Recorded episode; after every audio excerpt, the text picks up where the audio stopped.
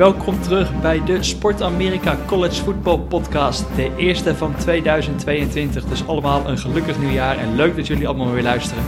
En ja, het seizoen zit er eigenlijk al bijna op. Nog één wedstrijd resteert en dat is natuurlijk de National Championship Game. En wie daarin staan is natuurlijk inmiddels bekend. Het wordt een rematch van de SEC Championship Game en van die befaamde 2018 finale. Alabama tegen Georgia. We gaan het er uitgebreid over hebben hoe deze tot stand is gekomen en een preview daarop. En ja, er is natuurlijk ook weer spicy transfer portal nieuws waar we het over moeten hebben, toch Lars? Ja, zeker wel Dan gaan we snel beginnen.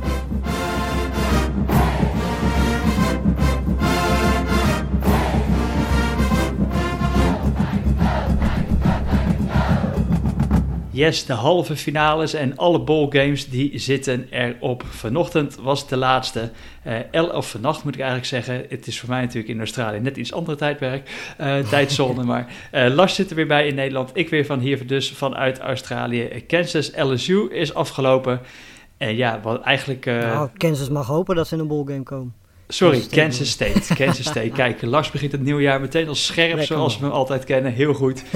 Ehm, alle wedstrijden, zoals ik al zei, alle ballgames zitten erop. En de, eigenlijk de twee waar wij het meest naar hadden uitgekeken... waren natuurlijk die halve finales, de semifinals... Alabama tegen Cincinnati en Georgia tegen Michigan. De winnaars ja. verklapte ik al in de intro. Alabama en Georgia staan in de finale. Zullen we eerst Alabama-Cincinnati erbij pakken, hoe dat verliep? Ja, nou ja, goed. Het was, uh, ik denk dat heel veel mensen moeite hebben gehad in Nederland in ieder geval om die wedstrijd te zien. Want het was natuurlijk oudjaarsavond. Uh, volgens mij begon die wedstrijd om half tien. Ik moet zeggen dat ik hem ook heb moeten terugkijken. Omdat het natuurlijk, ja, weet je, je hebt altijd familiedingen op zo'n avond. Um, maar ja, in principe leek het qua stand deed Cincinnati goed mee tot het derde kwart. Um, alleen in het derde kwart liet Cincinnati wat kansen liggen. met een, wat was het? volgens mij stonden ze 10 punten, 12 punten achter of zo in dat derde kwart, 17-6 inderdaad. En ja, toen kregen ze eigenlijk twee kansen om, om dat verschil echt kleiner te maken. Uh, natuurlijk ook met die interception van, uh, van Bryce Young die ertussen zat. Uh, maar rondom die interception punten ze twee keer. En dat waren wel, was wel echt de kans voor Cincinnati om de wedstrijd nog spannend te maken. Want eh, ja, je ziet dan meteen als je die kansen niet grijpt, de drive daarna scoort Alabama een touchdown, is de wedstrijd afgelopen. Um, en uh, uiteindelijk is het wel terecht, want Alabama had meer kwaliteit in deze wedstrijd. Uh, ik bedoel, Brian uh, Young, of heet die, Robinson, die rustte voor 25, 25 keer voor 198 yards. Nou ja, goed, als je dat dan niet tegen kunt houden bij Alabama, wordt het een heel lastig verhaal. Um, want het enige wat Bryce Young dan hoeft te doen is de drives afmaken. en dat deed hij goed op die interception na. Um, ik denk dat je van Cincinnati's defense verder niet heel veel meer kon vragen naar wat ze gedaan hebben. Uh, de aanval was gewoon niet goed genoeg. En uh, ja, de verdediging van Alabama speelde fantastisch met uh, Will Anderson, die weer twee sacks had als, als uitblinker. En het wordt eigenlijk met de dag bizarre dat hij niet bij de, bij de Heisman-kandidaten zat. Ja, ik denk dat. ik weet niet of het helemaal mee eens dat het echt een wedstrijd was. Ik heb vanaf het begin van, van wat ik gezien heb, echt. ik heb alle plays gezien, maar ik heb nooit het idee gehad dat Cincinnati. Nou ja, ze hadden er in het derde kwart een, een, wedstrijd van kunnen maken, laat ik het zo zeggen. Ja. En die kans hebben ze laten liggen. Want eigenlijk, ik had het gevoel echt vanaf, het eerste, vanaf de eerste play eigenlijk al, ja, er, er is hier gewoon zo'n klasseverschil wat we eigenlijk zien. En, en hoe comfortabel ja. Alabama was meteen op die eerste drive. Dat ja, Brian Robinson Jr., die, die rent gewoon over heel Cincinnati heen. Eigenlijk in zijn ja. eentje, dat deed hij de hele wedstrijd. Uh, maar wat jij ook zei, ja, die Cincinnati defense, die hield echt wel goed stand. Ook die secondary natuurlijk tegen die receivers van Alabama. Maar aanvallend was het gewoon zo onmachtig. En ja, dat resulteert alleen maar in twee simpele field goals natuurlijk. Ja, laten we duidelijk zijn. Het is niet alleen omdat Cincinnati daar gewoon wat minder kwaliteit heeft. Maar ook omdat Alabama's defense gewoon heel erg goed is. Uh, zeker de, de, de, eerste helft van het seizoen was het nog een beetje zoekende. Maar vanaf de tweede helft van het seizoen is het niet alleen Anderson. Maar eigenlijk die hele defense die, die echt heel erg goed staat te spelen. En dat, dat was in deze wedstrijd ook weer zo. Ja, dus ik denk dat ja, Alabama kon gewoon leunen op die defense. En hoefde aanvallend niet eens heel veel ja, nee. Heel veel bijzondere dingen te doen. Hè? Want je zag hoe ze in Georgia versloegen in die SEC Championship Game natuurlijk echt een heroïsche wedstrijd nodig hadden van Bryce Young. Uh, en, al, en alle passing game die daarbij nodig was. En vandaag was het gewoon simpel. Jongens, uh, geef de bal ja. aan Brian Robinson Jr. en die, die loopt er wel doorheen. En dan komen we er wel. Nee, dit was niet de wedstrijd in ieder geval waar ze, waar ze John Matchy meteen, meteen missen. Uh, dat zal tegen Georgia denk ik wel, uh, wel een beetje anders zijn. Dan zullen ze wel wat meer uitgedaagd worden dan, uh, dan deze wedstrijd, denk ik. Ja, en ondertussen, ja, Nick Saban die gaat gewoon weer naar een volgende championship ja. game toe. Volgens mij de, zes van de acht finales van sinds het de, de, de NFL of de college football playoffs er zijn, zes van de acht keer is Alabama erin gekomen. Ja. ja volgens mij is dat wel aardig, aardig keurig. Ja, ja, dus het merendeel daarvan ook gewonnen natuurlijk. En wie dus wie aan het begin van het seizoen er allemaal dacht van jongens, wie ze zo meteen allemaal niet meer hebben. Ja, waar hadden we het eigenlijk over? Mac Jones weg, de Fonte Smith weg. Dat maakt het ook allemaal uit. Alabama staat gewoon weer in de championship finale. Precies, precies. Ehm, en daar gaan ze het opnemen tegen Georgia, waarvan we dachten, nou, dat gaat misschien nog wel echt een spannende close game worden. De laatste keer dat wij ook met elkaar spraken, dat is ongeveer twee weken geleden. We waren een week tussenuit tussen kerst. Ja. Um, nou ja, dachten we dat gaat wel close worden. Georgia en Michigan, gelijkwaardige teams misschien wel. En uh, nou goed, na het eerste kwart... Uh, moesten we nog verder kijken naar het eerste kwart? Heb jij verder gekeken naar het eerste kwart? Uh, ik heb de eerste helft afgekeken. toen was het drie uur, half vier s'nachts, denk ik. Ehm, ja, het was 27-3 na de eerste helft. zeker dankzij die, die slotfase van de eerste helft... waarin je die interception net van McNamara en daaromheen... die twee touchdowns van, van of die, die field goal en die touchdown van Georgia ja, toen was het voor mij wel redelijk duidelijk dat Michigan misschien wel in de tweede helft beter zou spelen, maar zeker niet terug zou komen. Um, die eerste helft van Georgia is misschien wel van het team het beste voetbal wat ik dit jaar in collegevoetbal gezien heb. Uh, zo ongelooflijk dominant. Uh, hele goede running game van Georgia zoals we dat kennen.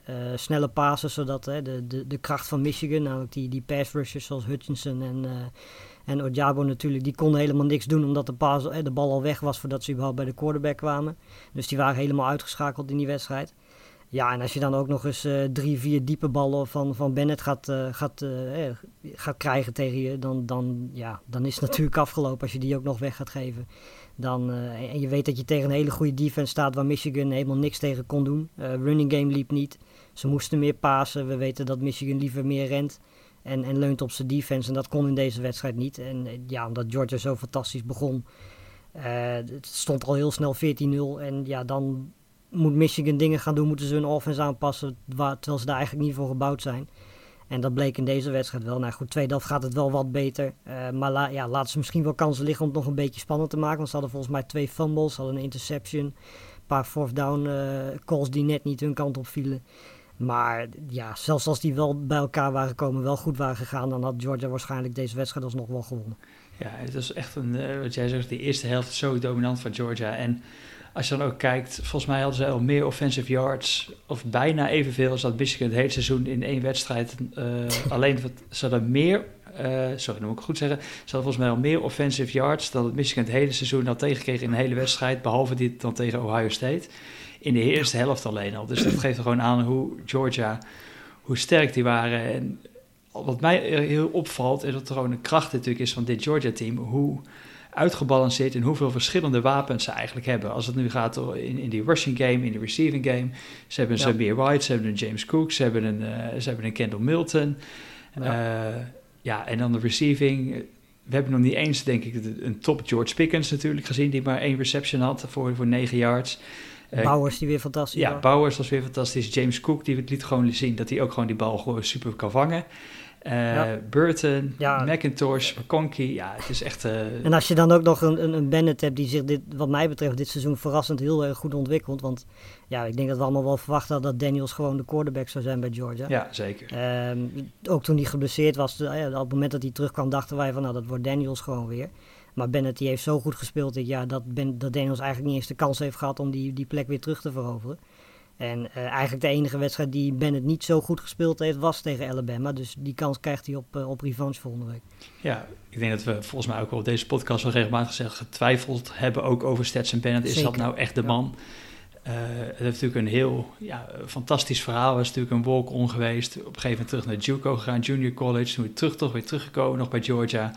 Ja, en nu is hij gewoon de man die ze eigenlijk dit seizoen gewoon leidt en naar een, naar een, naar een National Championship game leidt.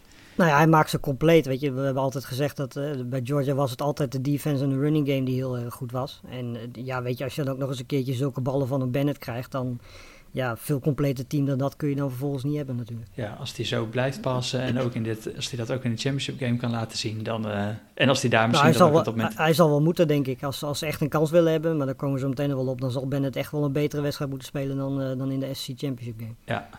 Maar in ieder geval, ja, Alabama, Georgia, uh, mooie rematch gaat worden. Gaan we zo meteen nog even op vooruit kijken. Maar laten we eerst nog even terugkijken op wat andere games die geweest zijn in die tussentijd dat wij afwezig zijn geweest. Ja. Ehm, misschien hoeven er maar een paar uit te lichten die echt bespreken waard zijn. Uh, ik vond Oklahoma State, Notre Dame was een leuke kraker, 37-35. Ja. Ja, nou goed, het, volgens mij, uh, Notre Dame was vooral in de eerste helft heel erg goed. 27-3 stond het volgens mij met rust bijna. Uh, alleen vlak voor rust scoorde Oklahoma State natuurlijk een, uh, een touchdown. En eigenlijk vanaf dat moment uh, keerde de wedstrijd helemaal. En ging het momentum naar Oklahoma State. En die komen dan uiteindelijk terug. mede ook dankzij een goede Sanders. 371 yards, 4 touchdowns, 125 rushing yards. En ja, wat, ik, wat mij vooral opviel in die wedstrijd was in de slotfase dat, dat Notre Dame op fourth down op hun eigen helft met volgens mij twee minuten te gaan en nog drie eigen timeouts. Dat ze in plaats van de bal de punten uh, ja, gewoon op fourth down ervoor gingen. Daardoor de bal kwijtraakten. En eigenlijk Notre Dame een gratis uh, field goal gaven. Waardoor het weer twee possession game werd. Uh, vond ik een beetje een rare call. Dat was uiteindelijk ook de beslissing in de wedstrijd.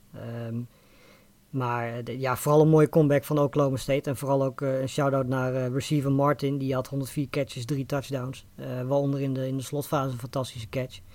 Ehm, ja, de op één na meest vermakelijke ballgame van, van dit seizoen wat mij betreft. Oké, Laat me een klein gokje wagen. Ohio State, Utah, 48, 45. De grote CJ Stroud en uh, Smith Jigba show. Ja, dat was uh, dat, ten eerste al de plek waar het gespeeld wordt. Ik bedoel, Rose Bowl natuurlijk. Eh, wat mij betreft een van de meest sfeervolle stadions. En ook qua ligging een van de mooiste stadions die er is. Uh, en als je dan ook nog eens een keer zo'n wedstrijd krijgt. Waarin, waarin Utah eigenlijk vooral dankzij Rising, die, die heel goed speelt op quarterback uh, gewoon de hele tijd meedoet en eigenlijk ook zelfs redelijk stevig voor staat. 16, 17 punten geloof ik. Um, ja, dan krijg je ook nog eens een fantastische wedstrijd. En uh, het is dat Rising uiteindelijk in de slotfase als quarterback uitvalt bij Utah. Uh, ik moet zeggen dat Barnes op zich in de, slotfase gooit hij natuurlijk nog die touchdown waardoor het gelijk wordt. Dus op zich viel die prima in. Maar ja, wat we bij Ohio State zagen, dat, dat, is, dat is echt niet normaal. Weet je, ik bedoel, Olave en Wilson waren er natuurlijk niet bij. Dus we hadden een beetje verwachtingen wel dat Smith en Jigba natuurlijk de, de nummer 1 receiver zou zijn. Maar dat hij 347 eh, yards en 3 touchdowns zou gaan scoren. En uh, ja, 23 yards per catch zou averagen. Dat, is, uh, dat is vrij bizar. Dat gaat eigenlijk nergens over. Um, fantastische slot receiver. Wat hij wat die allemaal vanuit daar kan, kan doen. Zeker als Wilson en Olave weg zijn, is, is niet normaal. En dat laat ook wel zien ja, als je kijkt naar de wedstrijd van Stroud, die was uh, eigenlijk op die interceptie na foutloos, was ook weer fantastische passes aan het gooien. En die laat dus ook wel zien dat hij het ook zonder Olave en zonder Wilson kan. Ja, als hij de wapens heeft, 573 passing yards voor CJ Stroud. 573. Ja. En zes touchdowns. Ja, ze, ze, hadden Henderson niet eens nodig in deze wedstrijd. Want die was op zich, ja, weet je, solide, maar nog niet eens heel erg goed. En dat was ook niet nodig, want, want die passing game die sloopte Utah eigenlijk de hele wedstrijd. Ja, ik ben heel benieuwd wat dit volgend jaar Wat er wel opviel in die, uh, in die wedstrijd was dat, uh, volgens mij stond er in de beginfase stond er een running back op Smith Njigba. Uh, Bernard heette die volgens mij. Die stond bij Utah als, als cornerback opgesteld tegen Smith Njigba. Daar zijn ze na de eerste helft van, van weggegaan. omdat dat niet zo heel erg goed ging. Maar uh, dat, ja, dat vond ik nog wel vrij opvallend in, uh, in die wedstrijd. Ja, het belooft in ieder geval weer wat voor uh, Ohio State voor volgend seizoen. Met deze Stroud, Henderson en Smith Jigba. Dat wordt een... Ja, en Harrison, hè, die speelt ook een goede wedstrijd. Deze, ja. Want ze moeten natuurlijk wel een beetje gaan zoeken nu naar mensen achter Smith Jigba. En, en Harrison, die had drie touchdowns in deze wedstrijd. Dus die, ja, die zal dan een van de namen moeten zijn die zal moeten opstappen in 2022. Ja, uh, nog even een shout-out naar James Franklin. 7 en 6 record, want ze verloren de ballgame van Arkansas. Maar toch een dik, dik contract voor 10 jaar, 90 miljoen binnengeharkt dit jaar. Lekker Goed gedaan, James Franklin. uh, laatste wedstrijd die ik nog even wil noemen en dan meteen een bruggetje naar natuurlijk naar ons favoriet segment, de Transfer Portal.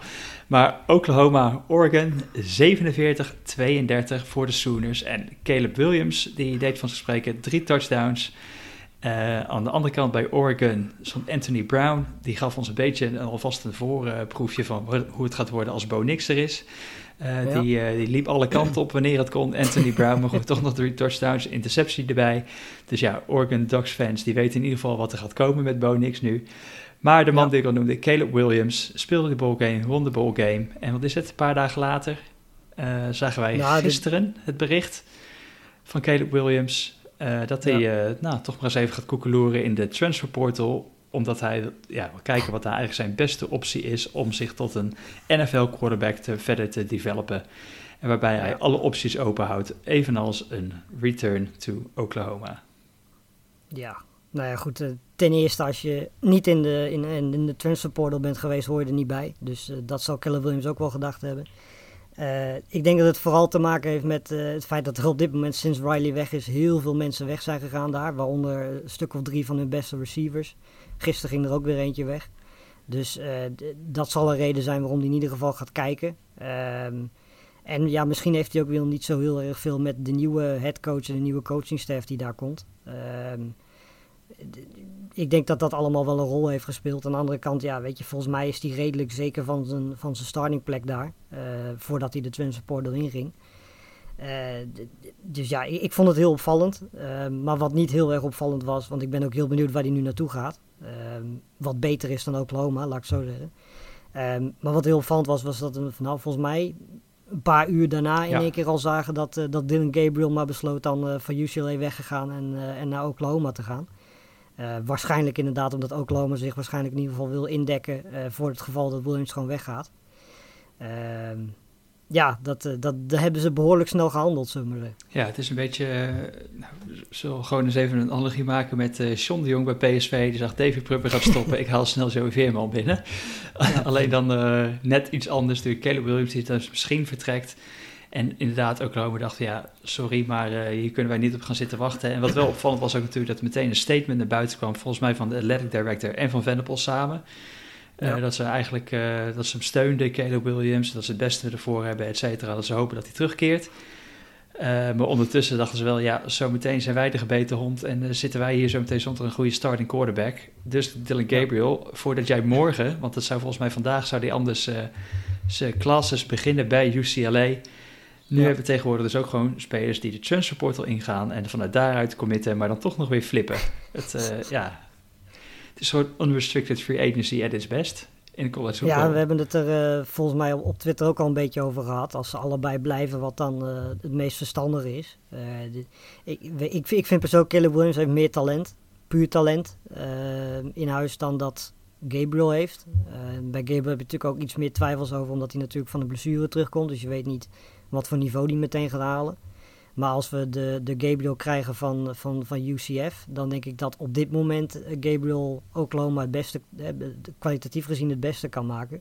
Uh, ondanks dat Caleb Williams qua talent natuurlijk nog steeds wel een, een betere quarterback kan zijn qua potentie. Maar goed, we hebben met, met een Rattler ook gezien dat potentie niet altijd iets zegt. Um, en ik denk als, als Oklahoma volgend jaar echt wil winnen, dan zullen ze ten eerste een paar receivers erbij moeten halen, want die hebben ze amper meer over.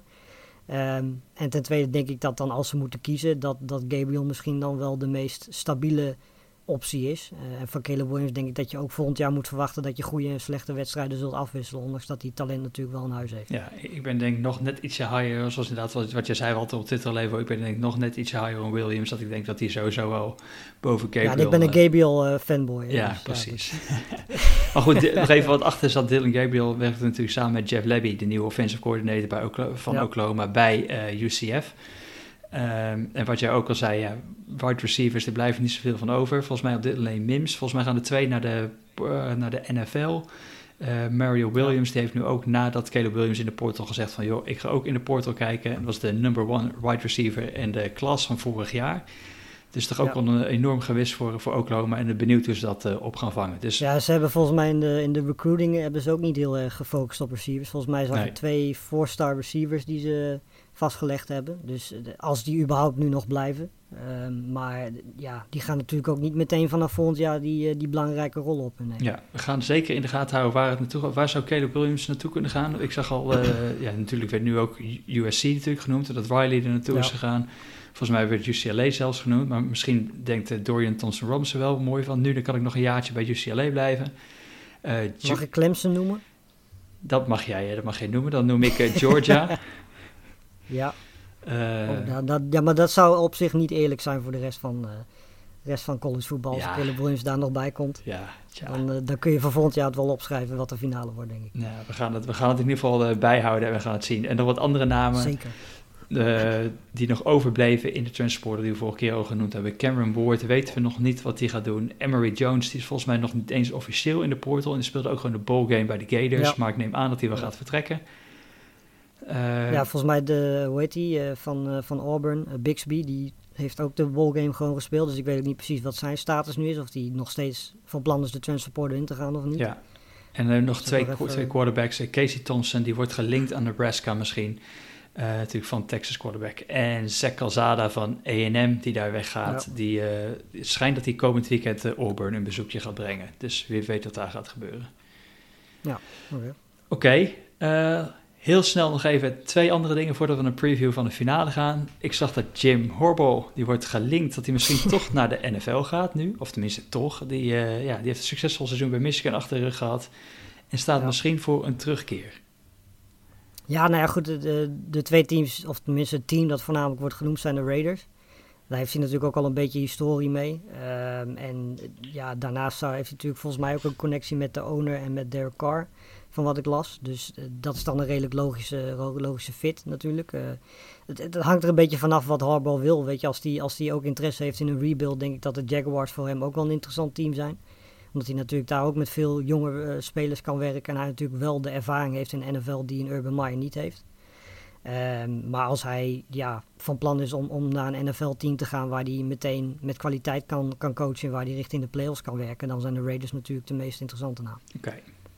We gaan dat ook zeker in de gaten houden. En dan weer uiteraard weer benieuwd wat er eventueel bij Michigan zou gaan gebeuren. Laatste dingetje. Ja. De, komende weekend, als natuurlijk die playoff finale, uh, de National Championship Game plaatsvindt, komt iedereen ook bij elkaar om nog een keertje over de playoff expansion te gaan hebben. En wat voor een vorm we dan misschien naar 12 teams toe gaan. Want 12 teams lijkt wel de voorkeur te hebben. Um, ik denk dat ze daar nog wel even een tijdje over gaan hebben en dat er nog geen beslissing uit gaat rollen. Dus uh, ik zou zeggen, laten we daar een volgende keer ook op terugkomen. Ja, precies. Nee, weet je, dat, de, ik denk dat er heel veel verschillende teams en universiteiten daar verschillende belangen hebben. Dus dat, uh, de, ja, daar zijn ze nog wel even mee bezig, denk ik. Oké. Het toetje van het seizoen. De uitsmijter. Op uh, maandag tot op dinsdag nacht. Wat is het? Om twee uur Nederlandse tijd? Half twee volgens mij. Half twee. Uit mijn hoofd. De national, twee uur inderdaad. Twee uur. De National Championship Game in Indianapolis. Georgia, Alabama zoals we zeiden, een rematch van 2018. Een rematch van de SEC Championship Game. Uh, Nick Saban, die 25 en 1 record heeft tegen former assistants. Waaronder 4, uh, 4 om 0 tegen Kirby Smart. Een 9-2 record tegen Georgia. Een 7-2 record in de National Championship Game. Gaat iemand... Nou, als je dat allemaal zo opneemt, nou ja, dan wou... kunnen ze wel inpakken, Georgia. Nou, ik, wou, ik wou het net vragen, Lars. Kunnen we het al opschrijven?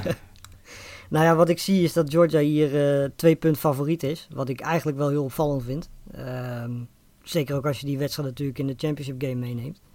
Um, ja, weet je, je kunt je aan de ene kant niet voorstellen gezien hoeveel kwaliteit Georgia verdedigend gezien in huis heeft. Uh, dat ze twee keer zo verslagen gaan worden uh, door de Alabama offense. Uh, aan de andere kant, er is tot nu toe eigenlijk nog geen enkel team geweest dat die offense van Alabama het echt, echt, echt tegen kan houden. En als zelfs een Georgia defense dat niet kon in die eerste wedstrijd, ja, ze kunnen gewoon niet nog een keer 41 punten tegenkrijgen. Want als dat gebeurt, dan, dan, dan gaat Alabama deze wedstrijd winnen. Uh, dan, dan ga je natuurlijk ook geforceerd met Bennett moeten gooien. In plaats van zoals we dat uh, in de halve finale zagen, dat je dat gewoon kunt schemen. En dat ja, moet je dan tegen Alabama even geforceerd gaan doen. En dan wordt Bennett natuurlijk een, ja, een quarterback die moet gaan creëren buiten wat hij normaal kan. En dan wordt het lastiger. Um, dus ja, ik denk dat Georgia's defense echt beter zal moeten spelen. En als ze dat doen, dan, dan, ja, dan kan het een heel close game worden. Maar goed, uh, we moeten de Alabama defense ook niet onderschatten. Want die, uh, de, ja, dat is gewoon echt een hele sterke unit. En die zijn zeker niet, ondanks dat ze misschien statistisch gezien minder zijn. Qua kwaliteit zijn ze echt niet zoveel minder de laatste weken dan Georgia's defense. Um, dus ik hoop niet dat we een, een, een, defensive battle krijgen. Ik verwacht dat ook niet, ondanks dat deze twee teams wel natuurlijk verdedigend heel goed zijn.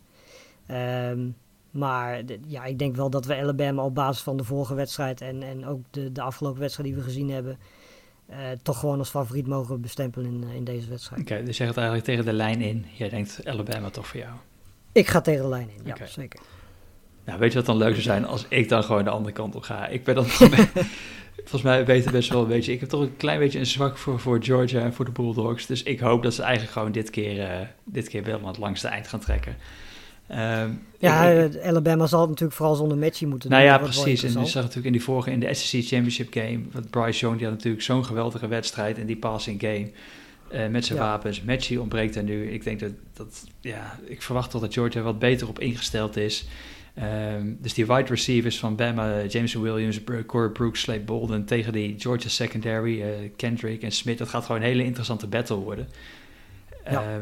En ik, ja, ik verwacht toch dat misschien lukt het deze keer wel voor die Georgia front seven om, de, die, uh, om toch een keer Bryce Young wel bij hem te kunnen komen en te kunnen sacken, wat ze de vorige keer dus gewoon helemaal niet lukte. ja, ehm, ja, en uh, wat ook belangrijk wordt, zou volgens mij had Robinson in die wedstrijd niet meer dan 50 rushing yards. Ja, als ze, weet je, als ze, als ze die ook nog weten te limiteren, want de kans is vrij groot dat Alabama ook wat meer naar Robinson zal gaan nu zonder matchie erbij. Ja. Um, als ze Robinson ook nog kunnen uitschakelen, ja, dan, dan maak je Alabama in ieder geval eendimensionaal. Dan heb je in ieder geval een grotere kans dan wat, uh, wat Cincinnati deed. Dat je eigenlijk en de passing game en de running game vrij kansloos bent. Je moet in ieder geval één van de twee uitschakelen. En dan, uh, de, dan hopen dat, dat of Bryce Young een mindere dag heeft. Of dat jij hem inderdaad onder druk kan zetten. Ja, en Robertson speelt natuurlijk ook een, uh, volgens mij in de championship game ook echt weer een rol in die bescherming van, van, van Bryce Young natuurlijk. Waardoor hij wat minder aan rushing toekwam. Dus ja, ik ik ga toch voor de diversiteit van die aanval van, van Georgia. Ik denk dat die toch iets geleerd hebben van die SEC Championship game. En ik uh, denk met al die wapens die ze hebben, uh, denk ik dat ze toch die Alabama echt op het druk kunnen zetten. En het deze keer net over de streep gaan trekken. Dus. Ja, ik verwacht het ook. De, de coachingstaf van Georgia staat er goed voor. En de kwaliteit van, van Georgia's defense eigenlijk ook. De vraag is alleen, uh, ja, of het genoeg gaat zijn om te winnen. Dat, uh, ik denk dat dit een veel, nou ja, veel spannender, want op zich was die wedstrijd wel spannend. Uh, maar ik denk dat dit wel een, een, wedstrijd gaat zijn die we tot het einde toch wel spannend kunnen gaan ervaren. Want dit zijn wel de, met afstand wat mij betreft de twee beste teams dit jaar die we in, in collegevoetbal gaan. Ja, bij uitstek denk ik. En ik denk, ja, ik, ik zie Alabama niet weer 536 yards of offense krijgen tegen dit Georgia. Georgia stond de vorige keer ook met 10-0 voor. En uh, ik, ik, ik put daar hoop uit als een uh, Bulldogs fan. Oké, okay, uh, dat was hem denk ik voor deze week al, hè Lars? Ja, volgens mij wel. Jij gaat voor Alabama National Champion. Ik ga voor Georgia National Champion. ja. Dan, uh... Op ESPN natuurlijk. Ik weet niet of dat met Nederlands commentaar is. Meestal doen ze de Championship Game wel met Nederlands commentaar. Maar ik weet niet of ze dat dit jaar ook doen. Ben je nog niet uitgenodigd? Uh, ik, ben ik ben nog niet uitgenodigd, nee. Maar ik, uh, als ze, als ze luisteren, dan uh, zou zeggen bel me. Misschien is, uh, of anders is het nieuw, misschien op tijd terug uit Amerika om die wedstrijd uh, te verslaan. Ja, precies. precies. Oké, oké. Op ESPN dus om twee uur Nederlands tijd. En anders is die vast wel hopelijk, denk ik, gok ik terug te kijken op ESPN de volgende dag.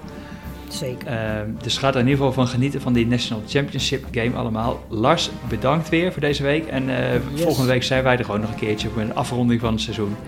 En dan uh, heel misschien kunnen we alvast even wat namen richting uh, een draft naar voren gooien. Altijd leuk. Ja, gaan we doen. Top. Uh, jullie allemaal bedankt weer voor het luisteren voor de eerste aflevering van 2022. ga genieten van die National Championship Game en tot volgende week.